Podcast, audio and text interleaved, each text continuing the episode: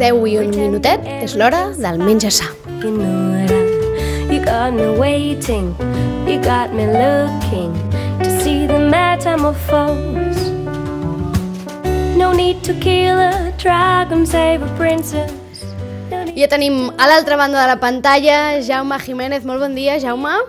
Hola, bon dia, què tal? Com esteu? Encantats de, de rebre't i de tornar a parlar una mica d'alimentació d'hàbits saludables i avui amb un tema molt interessant. Eh, intentarem ser rigorosos, eh, perquè de vegades també eh, aquest tema pot portar a certa confusió i no volem fer-ho. Avui volem parlar de nutrició i càncer, perquè mm, d'entrada jo la primera pregunta que et faria, Jaume, és què pot fer i què no pot fer l'alimentació davant eh, d'aquesta malaltia, no? Perquè probablement aquí és on es produeix el, eh, eh, on, es produeixen moltes vegades les primeres confusions, no? És a dir, quin és el poder o què, quines, què pot fer, el que la pregunta és fàcil, què pot fer l'alimentació i què no pot fer davant del càncer? doncs l'alimentació pot fer moltes coses. Principalment, l'alimentació té un, un potent efecte preventiu d'algun tipus de càncer. Està, hi ha alguns tipus de càncer que estan molt relacionats amb l'alimentació que fem. Llavors, el que sí que l'alimentació, una alimentació saludable, que ara parlarem, doncs ens pot ajudar a reduir el risc de patir o el risc de, sí, el risc de, de patir algun tipus de, de càncer. I si la persona ja té un càncer, l'alimentació el que li ajuda sobretot és a poder eh, tolerar millor eh, la quimioteràpia, a reduir el risc de, de desnutrició i una vegada la persona surt del càncer, perquè afortunadament avui dia hi ha eh, cada vegada més supervivents de càncer, els hi pot ajudar a reduir la, el risc de recaiguda i els pot ajudar a recuperar novament el seu millor estat de salut. Uh -huh. Però i què no pot fer? Què no pot fer? Doncs eh, l'alimentació el que no pot fer és curar el càncer. Això ho hem de tenir clar. I qualsevol persona que digui avui dia que l'alimentació eh, cura el càncer és mentida i s'estan aprofitant sobretot de, del moment tan dèbil que té una, una persona o l'entorn d'una persona quan li diagnostica una malaltia. Mm -hmm. És important, és important recalcar-ho, això, eh? L'alimentació no cura el càncer, i ho diem perquè hi ha llibres, alguns que són bestsellers, eh? Que són Sí. bestsellers, és a dir, que, eh, que, que els ha comprat milions de persones al món, que afirmen, dins aquests llibres i um, en molts dels seus capítols, que afirmen que amb l'alimentació pots curar el càncer. Això no és així. No, això no és així i, i és més, eh, dir això és fins i tot il·legal, perquè no, tu no pots dir aquestes coses, eh, sobretot quan estàs venent els teus serveis arran d'aquesta afirmació. O sigui, o venent un llibre, no? això fins i tot és, jo entenc que és eh, fins i tot il·legal. No? Per tant, hem de ser curosos i la nutrició és molt interessant, pot ajudar molt, però dir-li a una persona que amb l'alimentació se li pot curar el càncer, eh, això és enganyar-lo directament. I entenc que de la mateixa manera eh, el càncer tampoc no és causant directe i únic de, de cap càncer, no? És a dir, hem parla, has comentat abans i ara entrarem en que sí que pot ajudar a disminuir riscos, pot tenir un efecte preventiu, no? I un cop a, a, ja amb la malaltia o passada la malaltia pot ajudar també a, que allò, a pal·liar d'alguna manera alguns símptomes, però tampoc no és un causant directe, és a dir, sí que hi ha factors, entenc, de l'alimentació que estan directament relacionats, això ho diuen estudis, però mm, no és un causant directe en, com a únic causant, diguéssim. Home, hi ha algunes substàncies que sí que estan eh, identificades clarament com a, com a cancerígenes i altres que són potencialment cancerígenes i les trobem a molts aliments. Moltes vegades eh, no formen part de l'aliment, sinó que són substàncies afegides. Per exemple, eh, quan parlem de, de el cereal, eh, quan el, el cereal, per exemple, el blat, el blat de moro, eh, s'ha florit, d'acord? Eh, aquests fongs això sí que, si mengem aquest producte, poden contenir una substància que es diuen aflatoxines i això està directament relacionat amb el càncer de fetge. O sigui que també hem de, hem de tenir cuidado amb això perquè moltes vegades quan veiem algú florit ho traiem no? i mengem la resta. I a vegades hem de tenir cuidado amb això. Una altra, una altra substància que podem trobar són les dioxines. les dioxines és un producte de, de, de, de l'activitat de l'home i on trobem dioxines majoritàriament? En els greixos d'origen animal. Uh, per exemple, quan mengem el fetge d'animal, quan mengem làctics sencers amb tot el greix, quan mengem determinats peixos, sobretot els peixos que són molt grans amb, amb molta quantitat de greix, això sí que pot contenir, i de fet conté, eh, una quantitat important de dioxines i això sí que pot eh, ser eh, un inductor de càncer. Hem de tenir cuidado amb aquestes coses perquè ja dic, no és propi de l'aliment que provoqui el càncer, però sí aquestes substàncies que entren al nostre cos mitjançant l'alimentació. Uh -huh. D'aquí la necessitat o, o la recomanació de portar una, uns hàbits tenir uns hàbits d'alimentació saludables eh, de caràcter preventiu. I és que, de fet, la temàtica d'avui d'aquesta secció ve arran d'un post que va fer eh, en Jaume a les xarxes, on, el que, a, on a més a més penjava un, una gràfica, un grafisme que era eh, bastant clarificador, no? i eh, explicaves doncs, que hi havia proves científiques sòlides que vinculaven d'alguna manera des del punt de vista de la causa, eh, precisament eh, aliments i la nutrició no? i també l'activitat física, és a dir, d'alguna manera aquesta vida saludable, amb el risc de, de patir diferents tipus de càncer, eh? no tots, ha alguns que estan directament relacionats segons proves científiques. Eh? Exacte. Per, per dir-te, eh, he comentat doncs, eh, substàncies que poden estar al aliment, per exemple, també els nitritos que, que li posen als embotits perquè tinguin aquest color vermell. Això també s'ha vist que pot, pot ajudar al desenvolupament de determinats tipus de càncer, principalment càncer gàstric. I només, només una dada també, el tema de les carns processades, no? perquè jo voldria fer una diferenciació entre la carn vermella i la carn processada.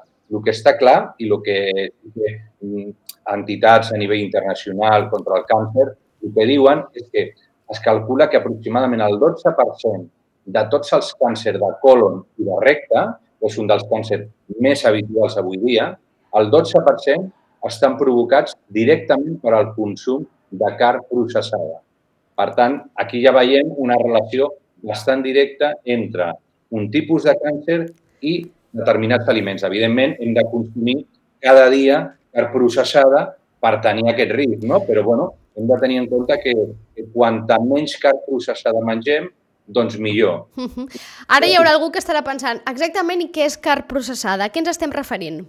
Exacte. Carn processada entraria tots els embotits.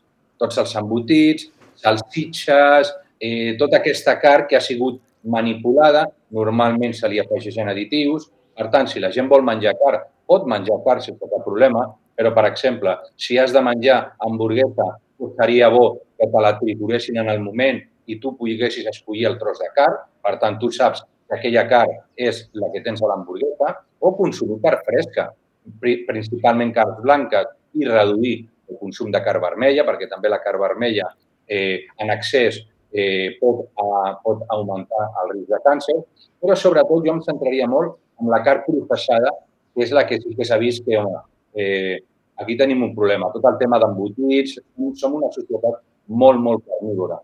Eh, I només reduint, no, no cal eliminar, perquè ja veus la, el que s'ha creat aquí amb el ministre de, de, sí. de Consum, no? O sigui, bàsicament el que hem de fer és reduir. No cal eliminar ni criminalitzar cap aliment. És a dir, home, si ara mengem un tros de fuet, això no significa que haguem de tenir demà un càncer de colon. No va per aquí la cosa. Però cada sí. dia no i l'hem de gaudir, però si jo cada dia menjo una entrepà de fuet, home, potser m'estic passant, però això passa amb tot, amb tot. Eh, una, altra, una altra cosa que no, que no m'agradaria eh, eh, passar per alt és l'alcohol. Es considera, la dada és, és bastant eh, potent, eh? el 32%, el 32% de tots els càncers de fetge estan directament relacionats amb el consum excessiu d'alcohol. El 32%, eh? és una xifra alta, eh? elevada. I es considera que de tots els càncers que hi ha al, a, al món, de tots els tipus de càncer, l'11% de tots els càncers té una relació directa amb el consum d'alcohol. Perquè veiem, estem parlant de molts milions de persones. Eh? Per tant, Bueno, Clar, estem parlant de dades a escala poblacional, eh? És a dir, que això ningú ho traslladi a, a, a nivell familiar. És a dir, és, són dades a escala poblacional. Per tant, sí, es té en compte aquí eh, tota la població. Per exemple, el que dèiem, parlant del fuet no? i de les carns processades, de tots els càncers que hi ha, es considera que la carn processada eh, està relacionada amb un 1,8% de tots els càncers. És el 12% dels càncers de colon i recte, però de, tota, de tots els càncers, mama, eh, eh, colon, fetge, ronyons, etc., només un 1,8%. Per això no vull que la gent s'escandalitzi, com tu deies, que si me menjo un tros de fuet o me menjo un, un tros d'un bon pernil, eh, tindré càncer. No, ni molt menys, ni molt menys. Però si cada dia mengem fuet, pernil, etc., segurament eh, tindrem més risc, evidentment. Uh -huh, uh -huh, no? I, I cal saber-ho. Per tant, ens quedem que dic, carns processades i alcohol diríem que són dos d'aquells aliments que clarament hem de reduir la dosi perquè hi han proves científiques i sòlides, és a dir, no, no és que ara ho diem eh, nosaltres, sinó hi ha estudis que, que així ho diuen, que hi ha, hi ha una relació directa de causa amb uns determinats tipus de càncer. No sé si hi ha algun altre aliment eh, que estigui relacionat també o que tingui aquesta relació de causa directa? Sí, mira, eh, podríem... Un, un risc probable és eh, l'excessiu consum de sal. Això és important també perquè eh, no és un aliment com a tal, però sí que és un, és un eh, ingredient que posem pràcticament a totes les receptes. Llavors, el càncer d'estómac, per exemple, eh, pot tenir una relació amb un excés amb el consum de, de sal. Per tant, podem posar sal, però no passar-nos amb la sal, perquè una de les coses que passa amb l'edat és que perdem una mica la percepció del sabor. Per això, cada vegada quan, quan ens fem més grans, tendim a posar-li més sal als, als menjars.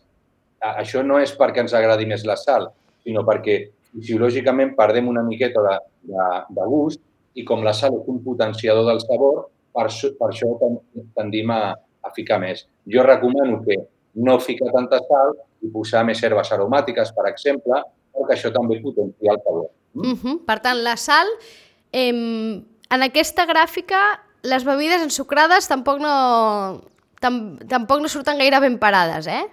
Eh, no, volia, volia parlar també d'això perquè, perquè, clar, és el que diem, no? Quan, quan parlem d'un accés, les begudes ensucrades eh, afavoreixen l'obesitat per una banda i l'obesitat és la porta d'entrada de multitud de malalties. Per tant, també hem de controlar les begudes ensucrades, hem de controlar l'accés de pes i també un altre producte que es consum bastant, eh, eh, no és un producte, sinó el tipus de cocció i són aquestes coccions a elevades temperatures.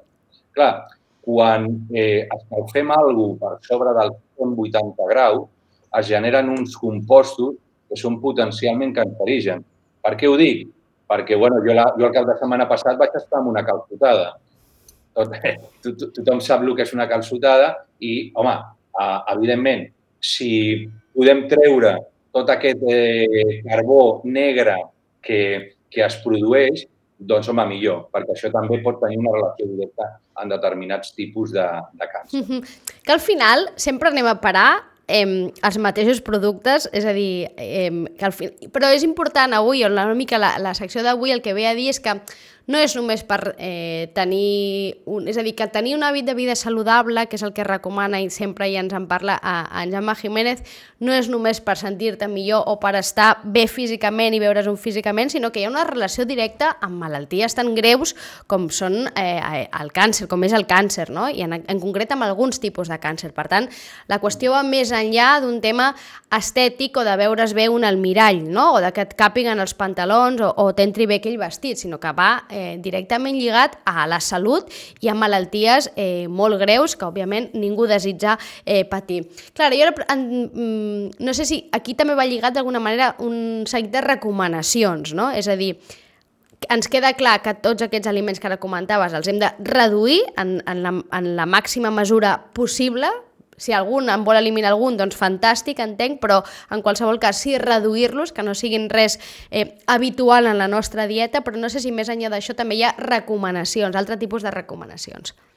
Sí, a veure, sobretot per reduir els riscos de càncer, el primer que tenim que fer és no fumar, això és una evidència, però s'ha de dir també, S'ha de reduir al màxim el consum d'alcohol, això també és molt evident.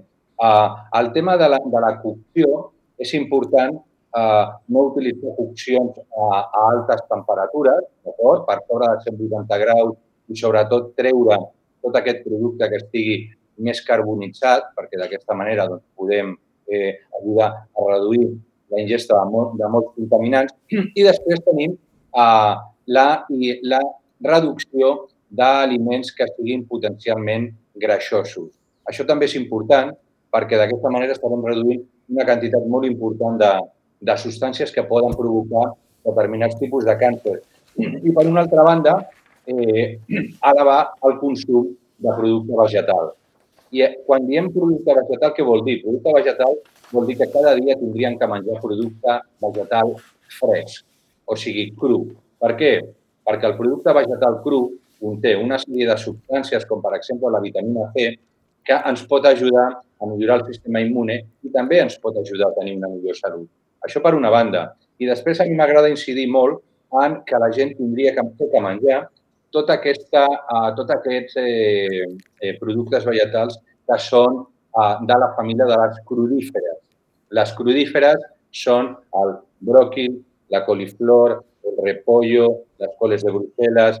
Sé que són productes que no són molt agraïts i a molta gent no li agraden, però en el moment que puguem incorporar de manera habitual aquests aliments, tenen algun component, eh, que són components rics en sofre, que sobretot ajuden molt a, a detoxificar el fetge, a que a, bueno, eh, puguem fer millors digestions i també contenen substàncies que han demostrat poder ser preventives de determinats tipus de càncer. Si a sobre afegim totes les eh, fruites i verdures que són d'un pigment de color lila, eh? Tot el que són fruites del bosc.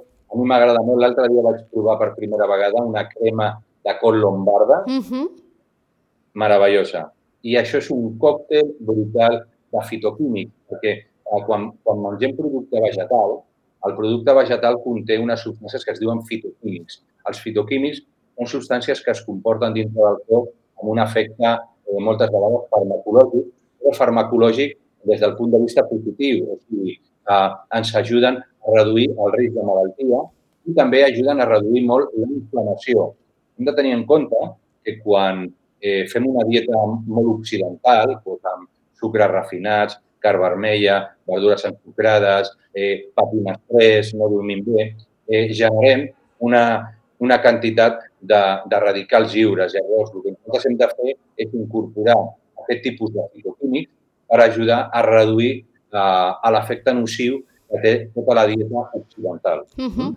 Per tant, prenguin nota, eh? Molt més vegetals, més fruites, i a més a més són aquestes amb aquest color lilós, doncs molt millor. Entrar a les crudíferes, encara que ja sabem que quan cuina l'olor que queda a la cuina no ens agrada gaire de la col coliflor, però escolta, haurem de buscar potser altres maneres eh, de cuinar. I tot això per tenir aquests hàbits de vida saludables i també per ajudar a prevenir, a patir eh, alguns tipus de càncer que a més a més són eh, molt nombrosos no? i que a escala poblacional està estudiadíssim que tenen una relació directa causant, diguéssim, l'alimentació amb aquests tipus, amb aquestes malalties. Jaume, moltes gràcies. A vosaltres per la invitació. Un plaer, com sempre. Una abraçada. Adéu-siau. Adéu.